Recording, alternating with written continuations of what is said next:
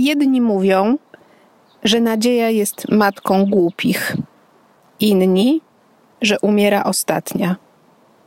W psychoterapii to jeden z najważniejszych czynników leczących, ważny składnik przymierza terapeutycznego. Kiedy zaczęła się pandemia, poczułam, że moja nadzieja topnieje, że trudno mi myśleć o przyszłości, która stała się bardzo niepewna. Postanowiłam porozmawiać z ludźmi, którzy swoim działaniem dają dowód na to, że nadzieja jest. Pytam ich, jak ją dla siebie definiują, gdzie jej szukają i jak sobie radzą z jej deficytem. Chętnie rozmawiam z tymi, którzy biorą się za sprawy z pozoru beznadziejne. Skąd czerpią energię i przekonanie, że warto?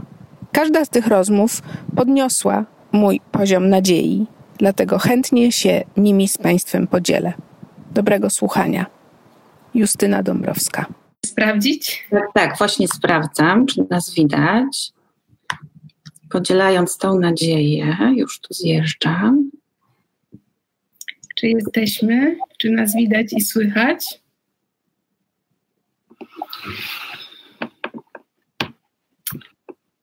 Możemy. Czy jesteśmy na żywo? Podobno, słuchaj, gdzieś jesteśmy na żywo, tylko nie widzę tego tutaj na Facebooku. Mhm.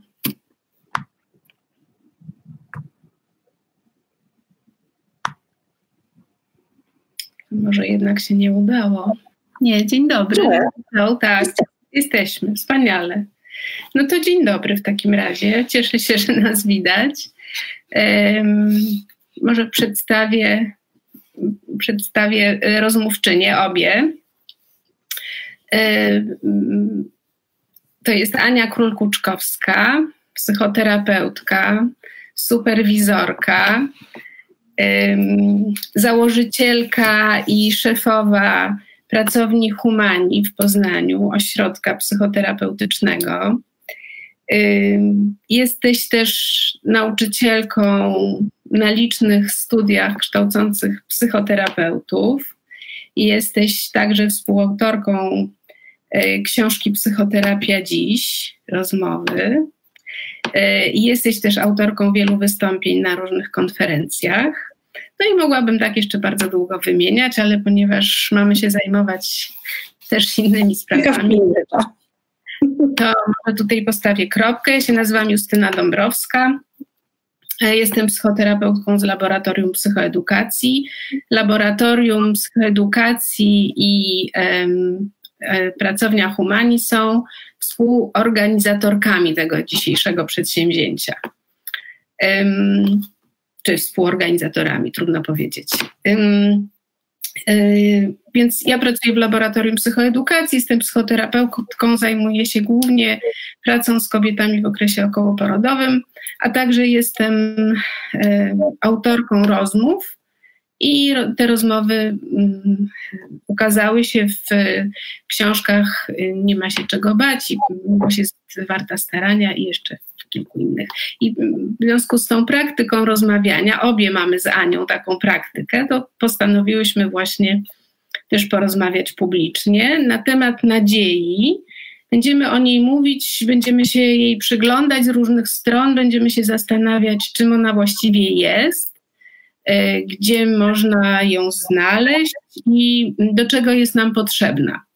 Mhm tak, tak sobie zarysowałyśmy y, ramy tej rozmowy. Chcemy poświęcić godzinę na, na rozmawianie na ten temat. Y, I też no, zapraszamy oczywiście do zadawania pytań. Widzimy tutaj na takim bocznym panelu po, pojawiają nam się, pojawia nam się to, y, co, co Państwo piszecie. Bardzo jest nam miło, że jest tyle tutaj uśmiechów. Takich, bo, bo obie przeżywamy tremę, jak ustaliłyśmy mhm. offline. Tak. E, pierwszy raz jesteśmy w takiej sytuacji we, we dwie, więc mm, bardzo dziękujemy za, za te dobre słowa. Więc może zaczniemy od takiego właśnie y, od takiego za, zarysowania tego pola, na którym się dzisiaj będziemy poruszać. Y, jak, jak Aniu byś definiowała dla siebie nadzieję? Czym ona właściwie jest? Czy ona jest, y, czy to jest uczucie, czy to jest jakaś y, koncepcja życia, czy to jest y, jakaś energia życiowa? Jak to, jak to widzisz? To jest bardzo ciekawe pytanie, bo jak w tym momencie, kiedy podjęłyśmy decyzję, czy wymyśliłyśmy Justyna wspólnie tą, e, tą rozmowę, to ja rzeczywiście zaczęłam się przyglądać, czy zadawać sama sobie pytania dotyczące rzeczy takich, które wydawały mi się do tej pory oczywiste. Tak? Czyli z grubsza dla mnie było jednak do tej pory oczywiste, że warto mieć nadzieję. Wiedziałam, że e, jako człowiek to y, warto mieć nadzieję, ale też, że ja się tym, podobnie jak ty, przecież zajmujemy się tym y, w gabinetach, w pracy zawodowo, tak. zawodowo prawda? Y, jakimś budzeniem nadziei czy przywracaniem nadziei. Natomiast rzeczywiście próba znalezienia takiej precyzyjnej odpowiedzi na to pytanie jest wyzwaniem. E, bo y, ja próbując znaleźć tą odpowiedź, to złapałam się na tym, że mm, czasem e, nadzieja myli się z wiarą, że czasem nadzieja myli się z czymś, co ja bym jednak nazwała iluzją, nie nadzieją ale rozumiem, że będziemy o tym rozmawiały, więc na tak. początku ja, ja powiedziałabym, że najbliżej na ten moment i naszej rozmowy, ale też mi w tym momencie mojego życia jest do tego, że nadzieja to jest jednak jakiś stan umysłu, ale też decyzja, która pozwala się rozwijać. Mm. A ty co myślisz? Jak to umysłu mówisz. Um. I decyzja. Aha. Czyli, że my możemy podjąć decyzję, czy pozostajemy w tym stanie nadziei, czy też go jakoś, czy też go porzucamy. Tak, myślę, że mhm. myślę, że cały czas podejmujemy takie decyzje. One oczywiście są w dużej mierze odpowiedzią na okoliczności, niemniej jednak myślę, że mm. te, ten element decyzji jest bardzo tutaj istotny. Ja bym ją widziała, czy może bardziej przeżywała jako rodzaj jakiejś energii wewnętrznej, czy takiego mm, może nawet koncepcji życia, która mhm. no, oczywiście musi y, paść na podatny grunt i pewnie o tym będziemy jeszcze rozmawiać. E, takiej koncepcji, która mówi, e, może nie rób swoje i, i żyj dalej, tylko staraj się postępować najlepiej jak możesz, niezależnie od zewnętrznych okoliczności. Czyli to jest troszkę o takim. Yy, o takim czymś, co brzmi banalnie i nie, nie lubię tego sformułowania, ale gdzieś pod spodem to mi jest bliskie, że nie chodzi o ten cel, tylko o to, w jaki sposób sobie do niego podróżujemy i o to, że mm, mhm że, że właśnie mam rano ochotę wstać z łóżka i przeżyć ten dzień, żeby na, na koniec dnia powiedzieć sobie, nie, nie najgorszy był ten dzień. Mhm. E, I że to mi się bardzo dzisiaj, też w tym pandemicznym, w tych pandemicznych okolicznościach jakoś z nadzieją kojarzy. Czasem sobie zadaję pytanie takie, a właściwie dlaczego ty się nie załamujesz? No i wtedy odpowiadam sobie na to pytanie właśnie tak, no bo czuję w sobie taką energię, która mnie rano podnosi z łóżka z taką ciekawością, jaki, jaki ten dzień będzie, ale bez takiego, wiesz, nastawienia na, na realizację jakiegoś celu. Więc pewnie to ma coś innego z tym, co ty mówisz. No, mm do tego, żeby tam z tego łóżka wstać i zająć się różnymi sprawami, to, to trzeba być w tym szczególnym stanie umysłu. Mhm. A też wspomniałaś o iluzji. A powiedz, jak widzisz to, tę różnicę między, między nadzieją a iluzją? Wiesz, ja przed naszą rozmową to wydałam, wydawała mi się to jedna z podstawowych rzeczy, e, żeby jednak tą, o tej różnicy porozmawiać i też, żeby samemu dla siebie ją, e, ją zauważać. Ja sądzę, że różnica jest zasadnicza i fundamentalna, jakkolwiek groźnie to, to nie mm. E, mianowicie myślę, że nadzieja, e, taka prawdziwa nadzieja, wymaga jednak od nas zdolności do rozpoznawania rzeczywistości w miarę takie, taką, jaka ona jest. Mhm próby odnajdywania się w tej rzeczywistości, wiesz, tak jak teraz, to, to jest niezwykle trudna sytuacja pod różnymi względami, ta sytuacja pandemiczna.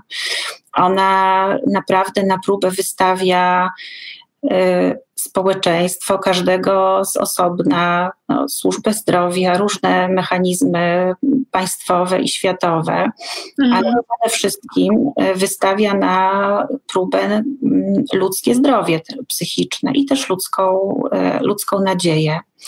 Mhm. E, I myślę, że nadzieja jest wtedy, jak my w miarę akuratnie zauważamy, co się dzieje, nie zaprzeczamy te, temu, ani też nie pogrążamy się w widzeniu tylko czarnych, strasznych scenariuszy. Mhm. E, I staramy się w tym jakoś przytomnie e, rozeznać i postępować dobrze czy, czy właściwie.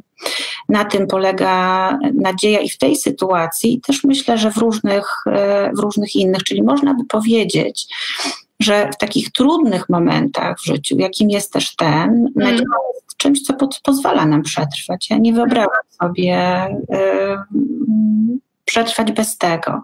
Mm. Natomiast iluzje polegają głównie na tym, że my bardzo poważnie zniekształcamy rzeczywistość, w której, y, w której jesteśmy. Możemy w, na różne sposoby ją zniekształcać.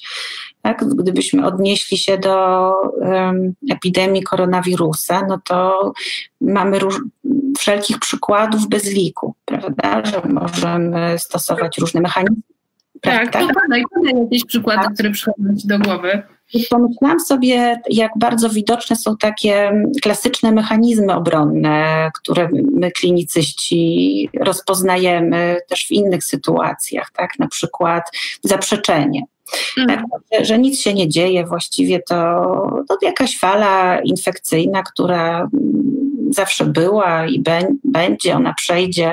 Szczególnie nas to nie zmienia, nie odmienia, ale też nie stanowi jakiegoś większego zagrożenia, podczas gdy mhm. rzeczywistość jest taka, że jednak to jest coś innego. Mhm. Tak więc to by było y, zaprzeczenie.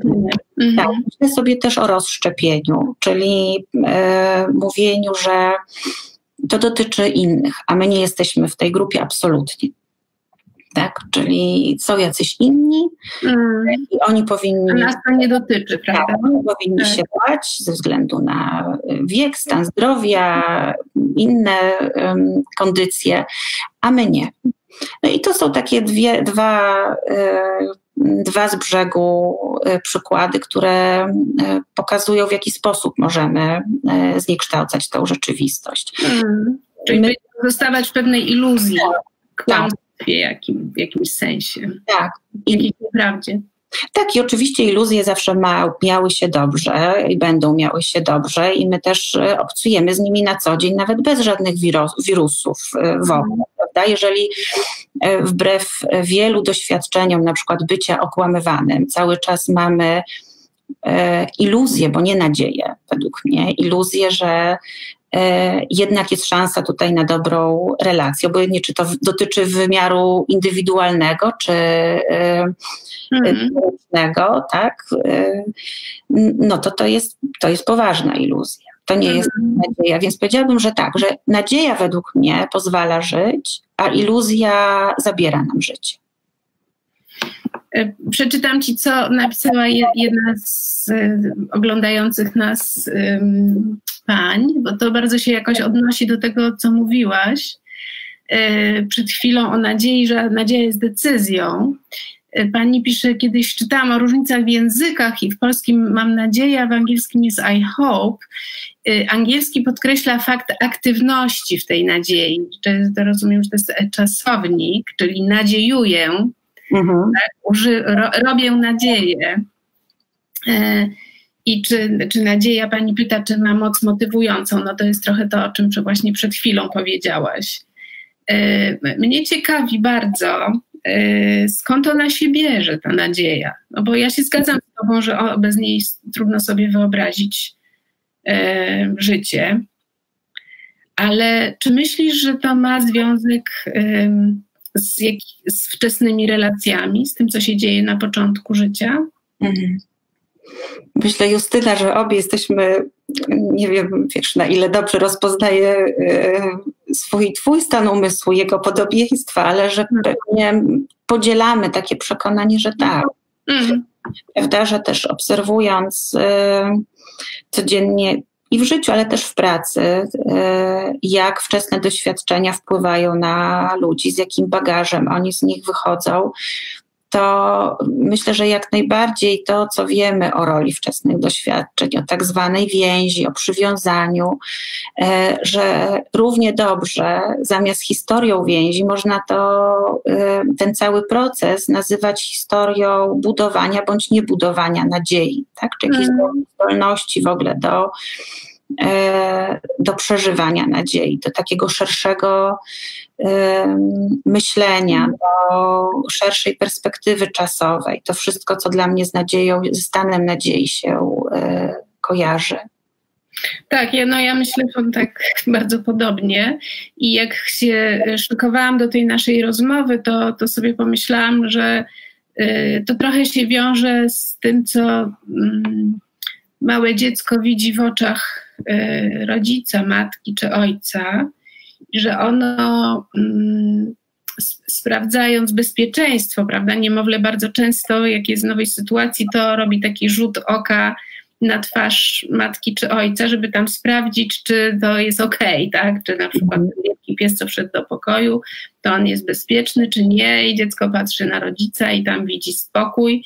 I pomyślałam sobie, że właśnie ten spokój, który widać w oczach dorosłego, że to jest też coś, co właśnie jakoś kształtuje również gotowość do posiadania nadziei, że to, co jest w tym wzroku e, dorosłego, ja sobie to nazywam na własny użytek, ale też na użytek pracy z pacjentami, pacjentkami, taki wzrok, w którym możemy przeczytać, wszystko będzie dobrze. Ale też wi- widzę Cię, istniejesz i wydaje mi się, że wiem, co się z Tobą dzieje. I na tym... przede wszystkim, tak, no to jest absolutna podstawa, że muszę najpierw zobaczyć Cię, tak. widzieć Cię jakoś i starać się Ciebie zrozumieć, ale też, że, że, że, że mieć w sobie pewien spokój, który nie, y, nie runie w gruzach, kiedy na przykład dziecko będzie przeżywać jakieś trudne uczucia, prawda? Kiedy samo dziecko będzie w jakimś trudnym położeniu i że to, to spojrzenie takie, y, myślę, że my nawet niespecjalnie się zastanawiamy na, nad tym, ale że tak no patrzymy, no bo wiemy, że już z perspektywy swojego doświadczenia, że będzie dobrze, no, że ten brzuch, ból brzucha minie, albo że to skaleczenie się zagoi, czy to mm. Się zagoi, tak, że ta utrata, że tą utratę misia, czy ukochanego kolegi, że to, że to są rzeczy, przez które można przejść i że w tym, w tym wzroku wszystko będzie dobrze. No wiadomo, że nie wszystko, ale wzrok rodzica spokojnego trochę niesie taką, prawda, tak, taki komunikat. I że myślę, że to jest coś takiego, co jest no, jakoś kształtujące. Mm-hmm. Mm-hmm. Tak, blisko mi do tego. Ja często y, mam w głowie taki przykład, który pozwala zilustrować, kiedy ten wzrok niesie jakąś nadzieję, a kiedy jednak wprowadza bardzo dużo zamieszania i chaosu. Wiesz, mhm. wyobrażam sobie taką sytuację, gdzie dziecko nagle się y, przewraca i sobie rozbija poważnie, bo nie, no, rozbija sobie kolano. Mhm. I że y, mogą przychodzą mi na myśl trzy możliwe reakcje. Na przykład takiego rodzica, który mówi, który reaguje swoją złością, bo nie jest w stanie czegoś emocjonalnie w tej sytuacji wytrzymać i mówi: Ile razy ci mówiłem, że masz prosto chodzić? Hmm? Patrz pod nogi. Patrz pod nogi. Jak stawiasz te nogi? E, druga sytuacja to jest taka, gdzie rodzic wpada w, taki, w taką rozpacz i przerażenie, która jest bliska temu, w jakim jest stanie dziecko, prawda? Czyli, że prawie płacze razem e, z nim. Wtedy też jest bardzo trudno o jakiś punkt odniesienia. Mm. I trzecia reakcja jest taka, która, którą ty przed chwileczką opisywałaś, prawda? Czyli jakiś rodzaj sygnału, że widzę cię, rozpoznaję cię. Powiedzenia o rany, ale to wygląda, ale musiałeś się przestraszyć, co i zabolało cię. Ale mm. wiesz co, damy radę. Damy radę, idę po plaster, z czym ty chcesz, z trolem czy z minionkiem, sobie wybierz. Mm. Jakoś to załatwimy. Teraz pomyślałam, jak o, jak o tym opowiadałaś, że ten wzrok, wszystko będzie dobrze, że to nie tylko dotyczy relacji pierwotnych, chociaż tam to na pewno ma ogromne znaczenie, ale pomyślałam sobie, że to też dotyczy takich naszych teraz, dzisiaj, dzisiejszych, bieżących relacji z różnymi ludźmi. I pomyślałam sobie o bohaterach tych moich książek, seniorach, seniorkach, ludzi, o ludziach urodzonych przed wojną albo w czasie wojny. Ja teraz y, staram się ich obdzwaniać co jakiś czas. I widzę też, jak ich spokój wobec tego, co się dzieje, bo ja dzwonię zaniepokojona trochę o ich zdrowie, a też pytam się, jak oni to przeżywają, co się dzieje. I wszyscy, absolutnie wszyscy, z którymi rozmawiałam, niezależnie gdzie mieszkają, w którym kraju i ile mają lat, czy 80, czy 90, wszyscy mi mówią: Słuchaj, ale nie martw się, naprawdę, ja przeżyłam takie rzeczy i to jest nieprzyjemne i oczywiście nie wiemy, co będzie, ale yy, przyjdziemy przez to, oni mi mówią. Mówią, Justysiu, no nie martw się tutaj. I że samo to, że ja z nimi rozmawiam, ja czuję, że, że to jest też, że to re reguluje mnie i że sprawia, że skoro ktoś, kto przeżył takie straszne rzeczy, mi mówi, słuchaj, przejdziemy przez to, to czyli ma nadzieję, prawda, że, że będzie, że jakoś wy, wyjdziemy, nie, nie wiemy jak, ale mm, że będzie dalej życie, mhm. że, to my, że to mi daje nadzieję i przypomina mi się, opowiadałam ci jeszcze zanim zaczęłyśmy to tak offline ci opowiadałam o mojej przyjaciółce, która miała w domu portret zrobiony przez Mikołaja Grenberga.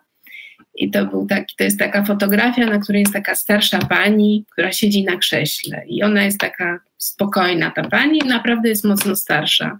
Moja przyjaciółka mi mówiła wiele razy, że jak patrzyła na ten portret, to właśnie on niósł nadzieję. Ja trochę nie rozumiałam na, na początku o co chodzi, a potem E, zrozumiałam, że to chodziło właśnie o to, że ta pani siedzi tak spokojnie. Widać, że ona jest po przejściach. Mhm. Że ona nie jedno widziała, ale ona sobie siedzi i z takim uśmiechem Mony Lizy patrzy, patrzy na fotografa. Mhm. E, więc jakby strasznie się rozgadałam, ale e, konkludując, no chodzi, chodzi o to, że też ci różni inni ludzie, którzy są wokół nas, są nośnikami nadziei, tak. którzy przeszli przez jakieś trudne doświadczenia, prawda? Tak, ale trzeba mieć mandat do tego, prawda, żeby być takim, e, takim e, nośnikiem bezpieczeństwa czy nośnikiem nadziei.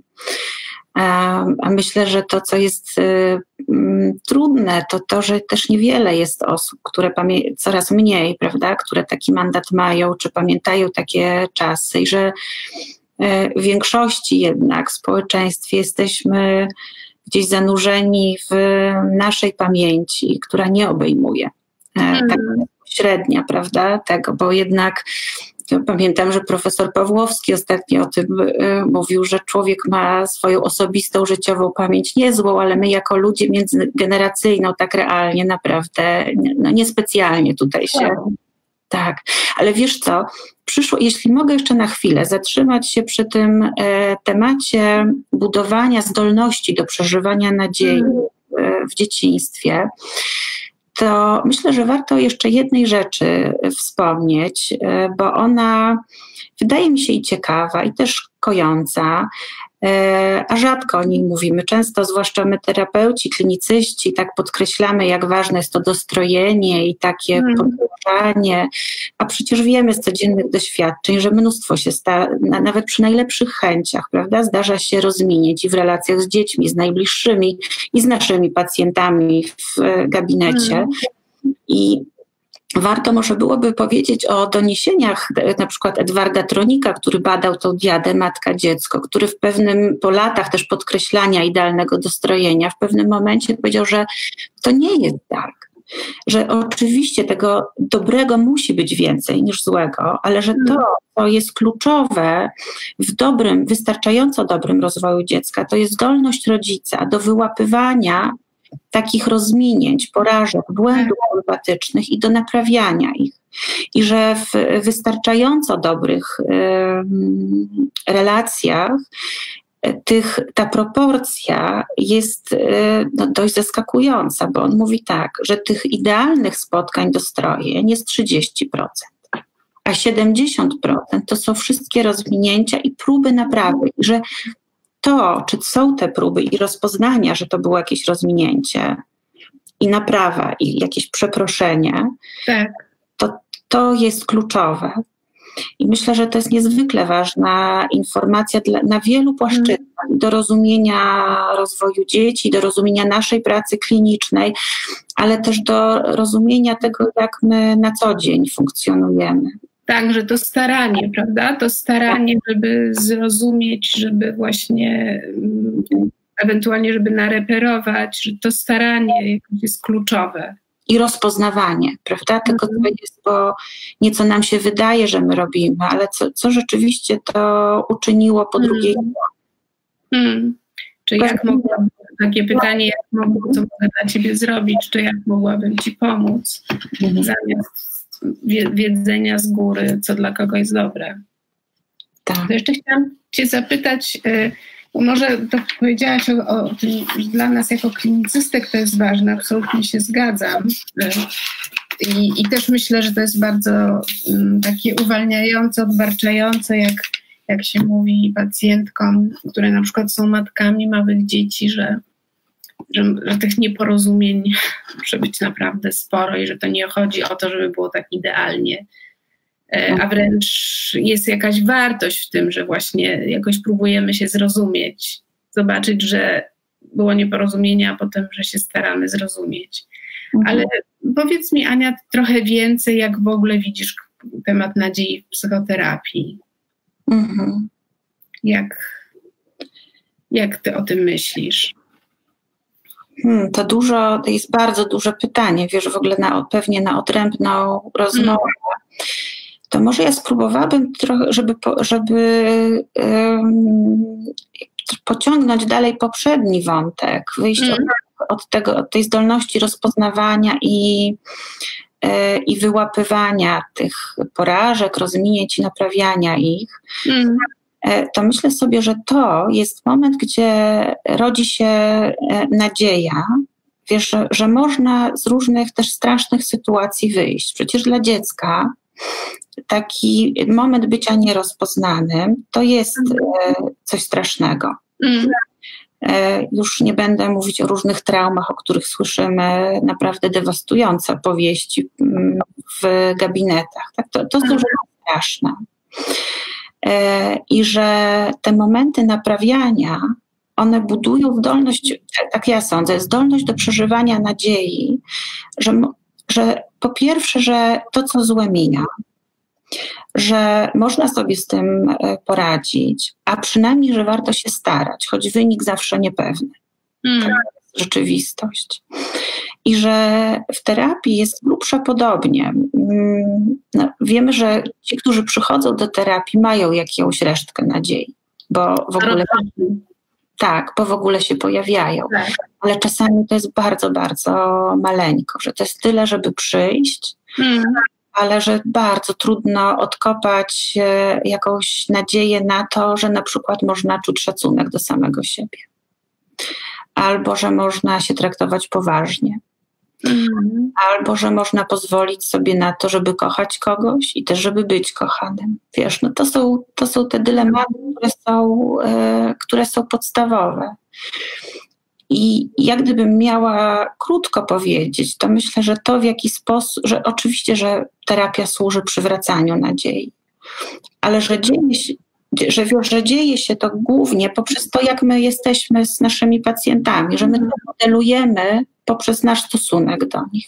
To mm. chyba No tak, że samo to, co się dzieje, prawda, że wracając do tego, o czym mówiłaś wcześniej, samo to staranie i to, że właśnie pojawia się jakieś rozumienie, e, że to ma ogrom, ogromne znaczenie. I w tym sensie my jesteśmy pracowniczkami, pracownikami, robimy w nadziei w jakimś sensie.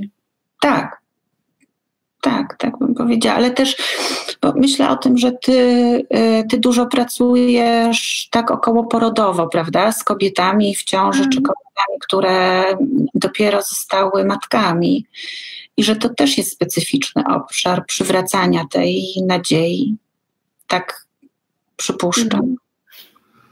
No, no tak, to no, no myślę, że, że, że, bardzo wiele osób, które przychodzi na terapię, to przychodzi właśnie z tak jak powiedziałaś, z taką resztką nadziei, mhm. takim poczuciem, że już mnie nic dobrego nie spotka, albo że ja jestem beznadziejna czy beznadziejny. W mhm. sensie nie mam żadnego wpływu na to, co się ze mną dzieje w moim, moim życiem i sama jestem bez wartości, czy sam jestem bez wartości, że to, co my robimy, no to jakoś poka- próbujemy zmienić tą, tą opowieść na temat e, siebie samego, czy siebie samej. Teraz zerknę tutaj na naszą boczną, Dobrze. paltę, bo tu jest bardzo róż, wiele różnych wpisów. E, może Y, nic się nie stało. Aha, to a propos tej iluzji, ktoś tu pisze, y, nie, a propos stłuczonego kolana, nic się nie stało, nie płacz, przecież cię nie boli. No tak, to też tak. jest taka, to też jest w ramach niewidzenia, prawda? Mhm. E, niewidzenia tego, tego kogoś, komu się coś stało. E, może jeszcze warto, żebyśmy powiedziały dwa słowa o czasie, Ania, wiesz, bo tak myślę, że żeby mogła być nadzieja, to to musi być jakieś poczucie czasu, prawda, że jest jakaś przyszłość.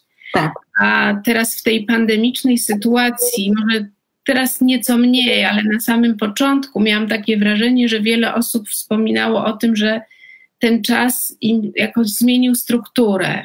Mhm. E, że mm, pacjenci, pacjentki mówili na przykład o tym, że on się zrobił jakiś taki gąbczasty albo kisielowaty, że on stracił tę strukturę strumienia płynącego, tylko tak się jakoś, no właśnie, zrobił się taki, jak taka stojąca woda.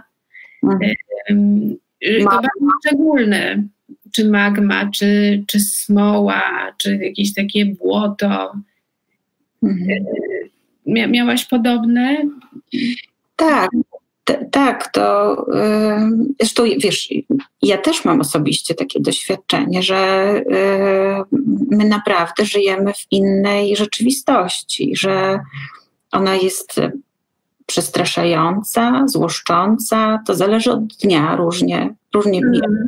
się zdarza mieć do niej nastawienie. E, więc zaznaczam to, żeby to nie było tak, że ja jestem poza, e, zresztą nikt przecież z nas nie jest poza, prawda? Tak. Ja też sobie myślę, że to jest taki, mm, to co jest e, wyjątkowego w tej sytuacji, to również to, że my terapeuci i nasi pacjenci, że jesteśmy wszyscy zanurzeni w tym samym, w tym samym czasie, w tych samych doświadczeniach, że to, że w tym aspekcie rzeczywistości, że spotkanie w gabinecie przestaje być tylko tak w gabinecie online'owym teraz. my teraz siedzimy. Tak, tak. Mhm. E, przestaje być tylko takim doświadczeniem, gdzie my słuchamy o czyjejś historii, która gdzieś się wydarzyła, tylko też w jakimś kawałku wspólnie. Mm. I to jest e, coś bardzo nowego. Tak. A z tym czasem, tak, myślę, że to są bardzo podobne opowieści, e, że to jest taka magma, albo że z jednej strony tyle czasu, a nic się nie daje zrobić. Mhm. Nabrał jakiejś takiej rzeczywiście budyniowatej konsystencji. Ja sobie myślałam, czy to nie jest tak, że to jest taki czas właśnie trochę jak, jak się jest dzieckiem, że się tak czas przeżywa, że się nie jest jeszcze świadomą, świadomym tego, że tam płyną dni, miesiące, lata, tylko jest tylko to, co jest i to jest takie właśnie nieokreślone, a z drugiej strony y, unieruchamiające, no bo to, to, to, to, nie jest też przyjemne być w takim czasie magmowatym, prawda? Mhm. Czyli ty, ty byś powiedziała, że nas to takim żargonem brzydkim mówiąc zregresjonowało, czyli trochę cofa tak, do pozycji dziecka. Tak, tak myślę, że jest jakiś w tym element takiej regresji właśnie, też przez to, że nie wiadomo co będzie. Y, teraz może jest nieco lżej niż jeszcze dwa tygodnie temu, no bo teraz pomalutku widać, że gdzieś coś się przesila, są jakieś doniesienia z różnych krajów, w których widać, że no właśnie już jest trochę, już jest albo przesilenie właśnie następuje, albo już jest jak krok za, więc można sobie wyobrazić, że może my też kiedyś będziemy w, takim, w takiej chwili, ale wtedy, kiedy wtedy, kiedy to było jeszcze wszystko nieokreślone, to tak, takie mam e, przekonanie, że to było bardzo regresjonujące. Aha. Sprowadzające właśnie trochę do pozycji dziecka, które nie wie, jest zależne, mm, to inni rządzą, coś rządzi, coś niewidzialnego, nieokreślonego. Mhm. Ale to, co teraz robimy, to, to, mm, to mam takie wrażenie, że, że zajęłyśmy się opowiadaniem sobie trochę tego koronawirusa, prawda? E, że się zajęłyśmy taką narracją, co wydaje mi się niezwykle istotne, żeby no właśnie mm, poświęcać czas na, na, opowiadanie sobie tego, jak, co się dzieje dookoła. Mhm. Szukać słów, trochę to, co teraz robimy, prawda, że szukamy słów o nadziei, z czym ona jest, skąd ją brać, po co ona jest. Mhm.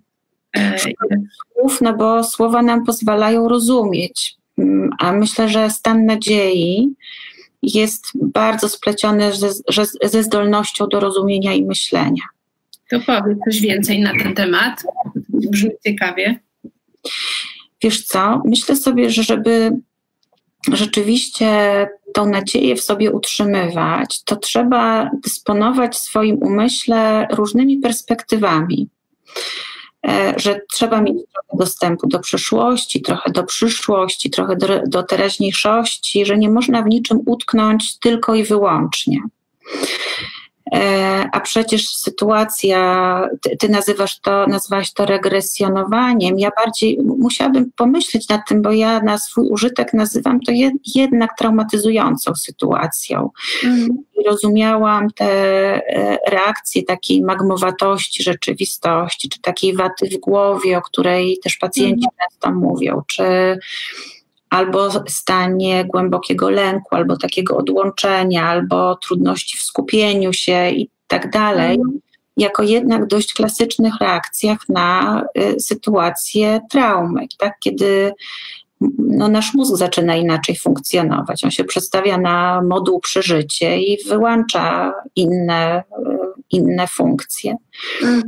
Wtedy jest bardzo trudno utrzymać nadzieję bo przecież ona wymaga tej zdolności do myślenia, do kojarzenia, do przechowywania w sobie wspomnień, do przewidywania e, przyszłości. Mhm. Czyli, ta, czyli czegoś, co pozwoli chociaż troszkę ten lęk wyregulować do takiego poziomu, żeby można było z powrotem zacząć myśleć o uczuciach i o tym, co się dzieje. Mhm. I, I, sądzę, że nazywanie, tworzenie opowieści, to co próbujemy dzisiaj mm. razem zrobić, że to wspomaga ten proces. Mm. To jest dokładnie to, co my robimy też e, w trakcie terapii. Mm. Wspólnie z pacjentami siedzimy, rozmawiamy, czasem o traumach naprawdę straszliwych. Mm. Od początku odzyskując jakąś narrację dotyczącą ich życia, taką narrację, która pozwala bardziej żyć dalej. Ty byś myślała, że ta, taka, takie poczucie właśnie bycia w jakiejś magmie, bycia utkniętym, ugrzęźniętym, to, o czym wiele osób wspomina, że mam tyle czasu, a za nic się nie mogę zabrać. Tak. To jest związane z wejściem w taki tryb przetrwania. Myślę, że tak. Mm. Tak, tryb przetrwania, ale tryb też takich, e, takiej tendencji do no właśnie, do mniejszej refleksyjności. Ja zajmuję się mentalizacją dużo, więc powiedziałabym tak też żargonowo do, do niementalizowania, co nas skazuje na takie jednowymiarowe postrzeganie rzeczywistości, na używanie mechanizmów e, obronnych. To pewnie też jest temat na całą dużą rozmowę. Tak, ale gdybym wróciła, wiesz, do tej opowieści, to myślę, że teraz ona jest bardzo istotna, bo to, to ta rzeczywistość, która się dzieje, to jest rzeczywistość jednak nieopowiedziana. Mm. Powiem Ci, że do mnie nieszczególnie trafiają takie argumenty, że to już było, były różne epidemie i pewnie one będą. No, faktograficznie jakieś były, ale one zawsze były trochę w innym świecie.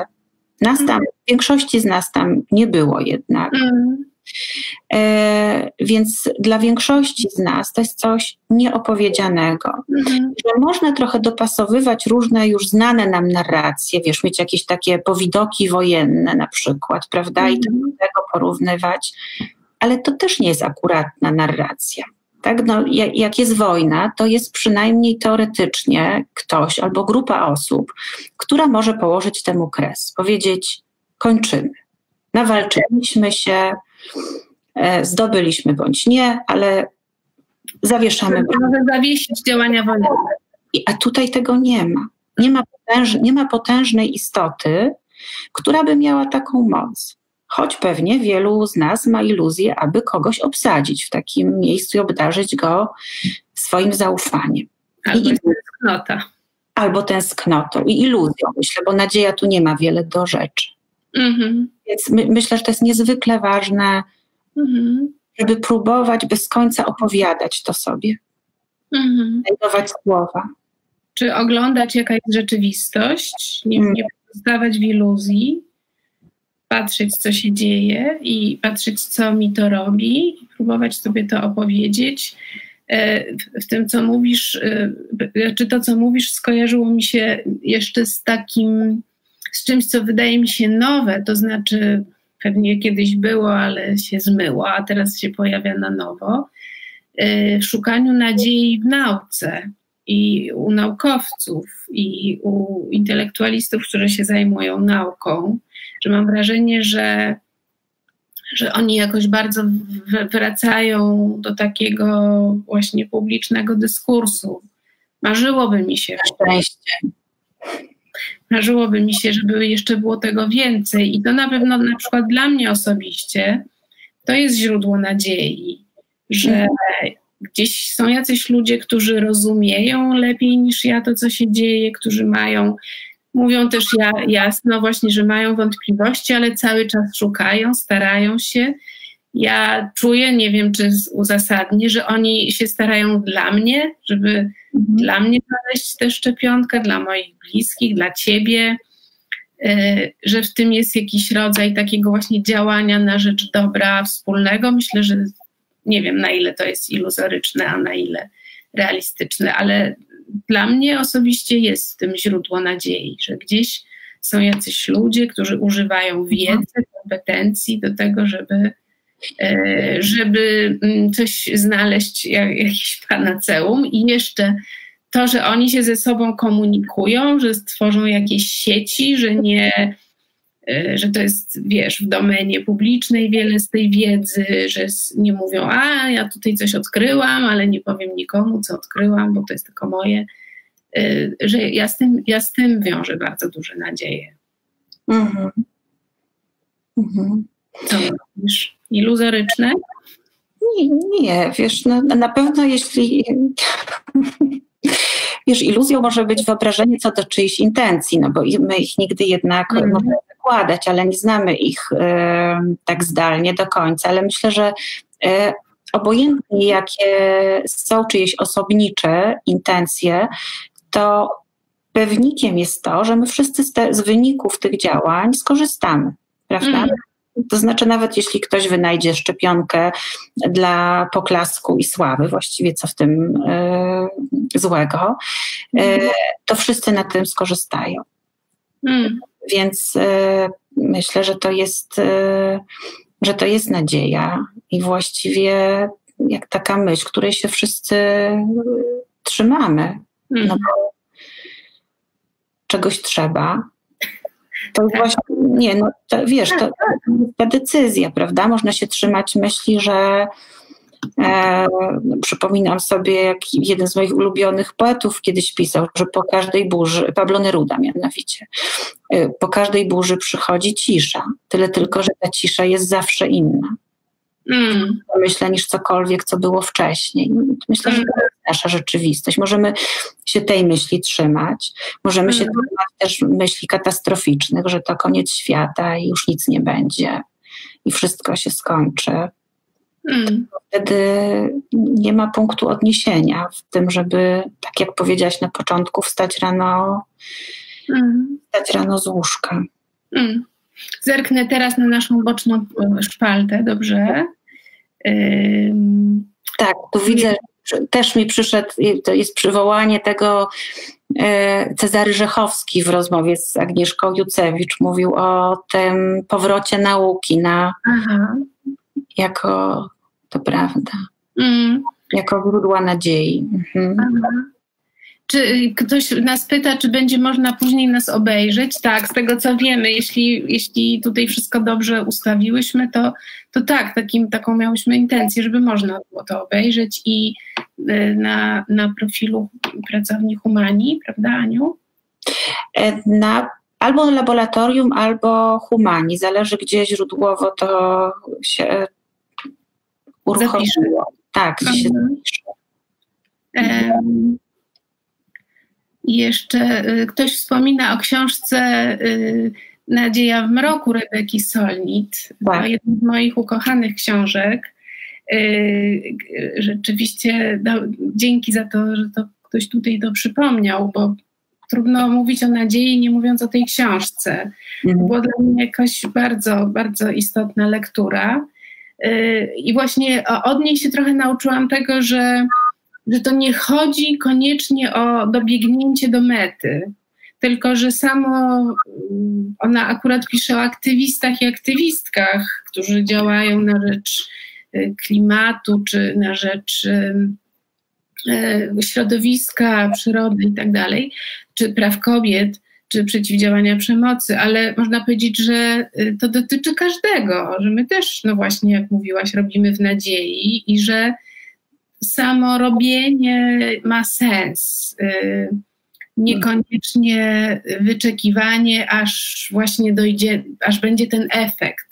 Tym bardziej, że w psychoterapii, to mnie nauczyło już doświadczenie prawie 30-letnie, tak naprawdę do końca nie wiemy, czym to się skończy. Ja miałam wiele razy mhm. takie przekonanie, że nie, no trochę tam może pomogłam komuś i razem coś żeśmy jakoś dobrze współpracowali, ale taka bardzo zadowolona nie jestem, a potem nagle jakimś cudem się okazywało, spotykałam te osoby po, nie, po 10 latach, ten ktoś mi dziękował i mówił, Ani Justyno, to naprawdę było niezwykłe, 12 spotkań i potem podjęłam różne ważne decyzje i bardzo Pani dziękuję, więc tak nawet nie wiedziałam o tym, że tak jest. I myślę, że Ty też masz na pewno mnóstwo takich pacjentów i pacjentek, o których nie wiesz, jak dalej ich życie przebiega, a, a okazuje się, że oni bardzo skorzystali.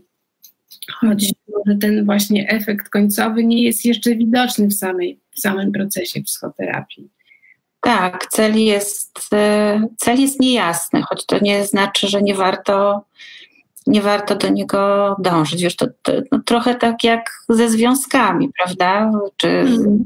różnymi, czy z miłością też różną, czy to przyjaciół. No, chodzi mi o takie bliskie relacje. Tak. To też jest dosyć, e, można powiedzieć, inwestycja niepewna, a jednak e, podejmujemy ją. Mm. I okazuje się ona e, często bardzo ważną inwestycją w życiu.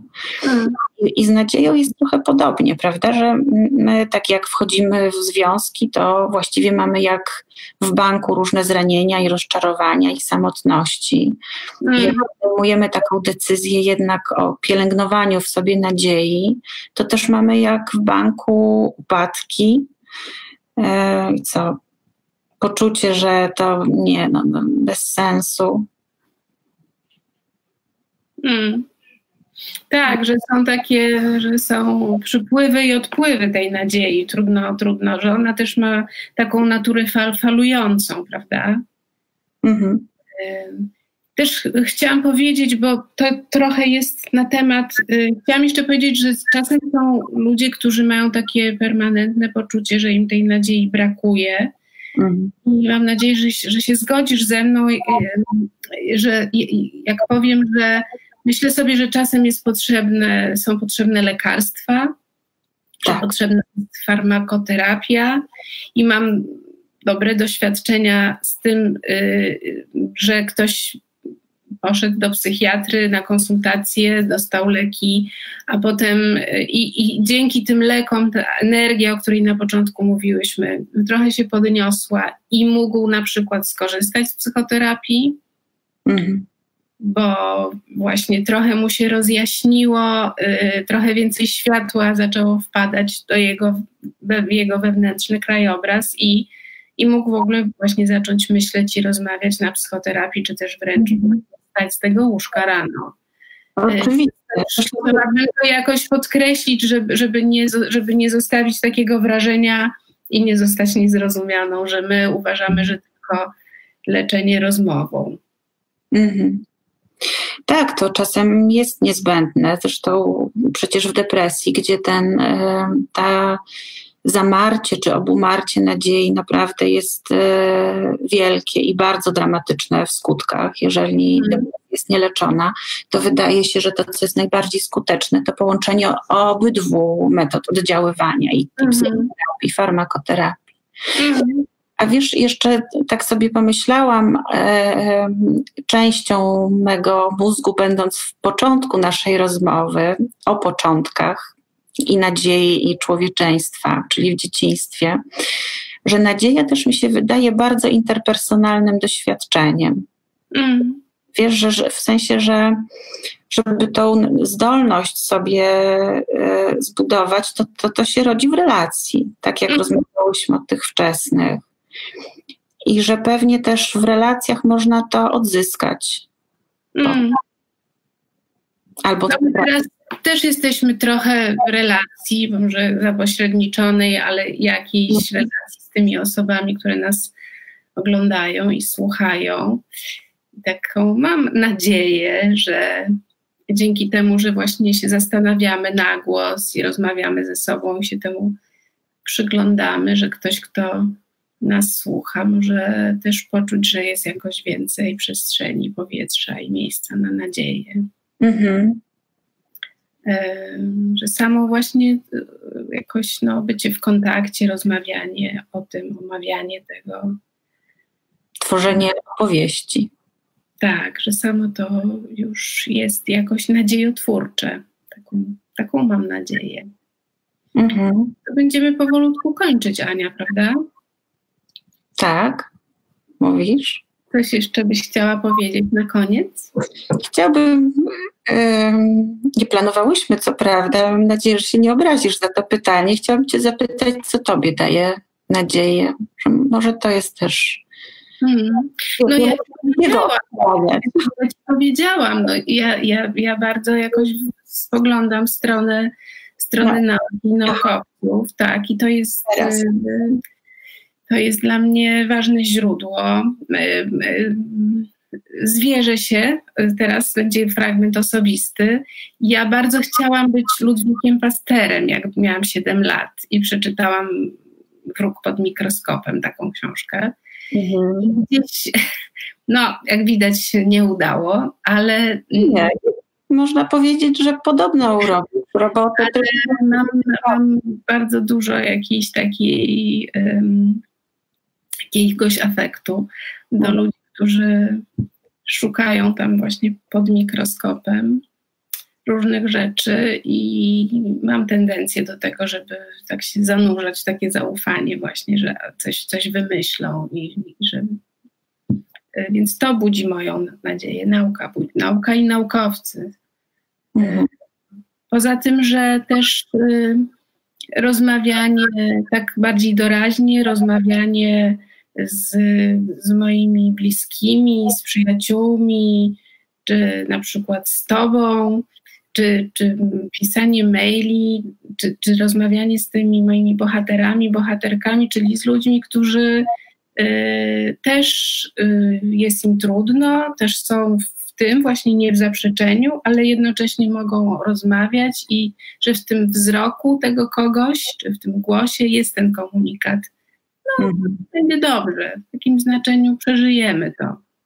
Mhm. Nie, że będzie cudownie i będzie raj na ziemi, tylko przejdziemy przez to. Mhm. To daje nadzieję. A tobie? E, w tej sytuacji, wiesz, e, chyba najbardziej te, poza nauką, e, ale która zawsze dla mnie jest takim punktem stabilizującym odniesienia, mm więc to, to nie jest dla mnie szczególnie nowe, że ja się do tego skłaniam czy odwołuję, choć te, teraz to jest szczególnie, to, to jest szczególnie ważne. Mm. Mi dużo nadzieję daje taka myśl, że to minie. Prawda, to minie jest, bar, jest dość abstrakcyjne i to nie pomaga też nikomu z nas na zdrowie psychiczne. Że pewnie nawet gdyby to, wiesz, była jakaś odległa, ale konkretna data, to, mm. to byłoby prościej nie mamy tej daty, iluzją byłoby jej tworzenie, e, ale e, pewnością jest, że, kiedy, tak, że kiedyś to minie, tak jak wszystko. I dobre i niedobre informacje o życiu, że dobre rzeczy miały, ale niedobre na szczęście też. Więc to. Tak, myślę, że, że rozmowa, kontakt z, z innymi, choć czasem jest taki moment, że wydaje się, że nie ma na to siły, albo właśnie, że z tej magmy trudno się jest wydobyć, a okazuje się, że warto się starać, że parafrazując tytuł Twojej pięknej książki, że kontakt jest wart starania. Eee, jak mnie dzieci moje rozśmieszą. tak, dzieci są rzeczywiście. Dzieci bardzo mocno trzymają y, nas w rzeczywistości. To, to bardzo dziękuję za tę rozmowę. Dziękuję wszystkim Państwu za obecność, że nas wysłuchaliście i że tutaj byliście z nami. Mhm. Do zobaczenia. Ja też dziękuję Tobie, Justyno, i Państwu. I co, spróbujemy teraz się wyłączać. Tak.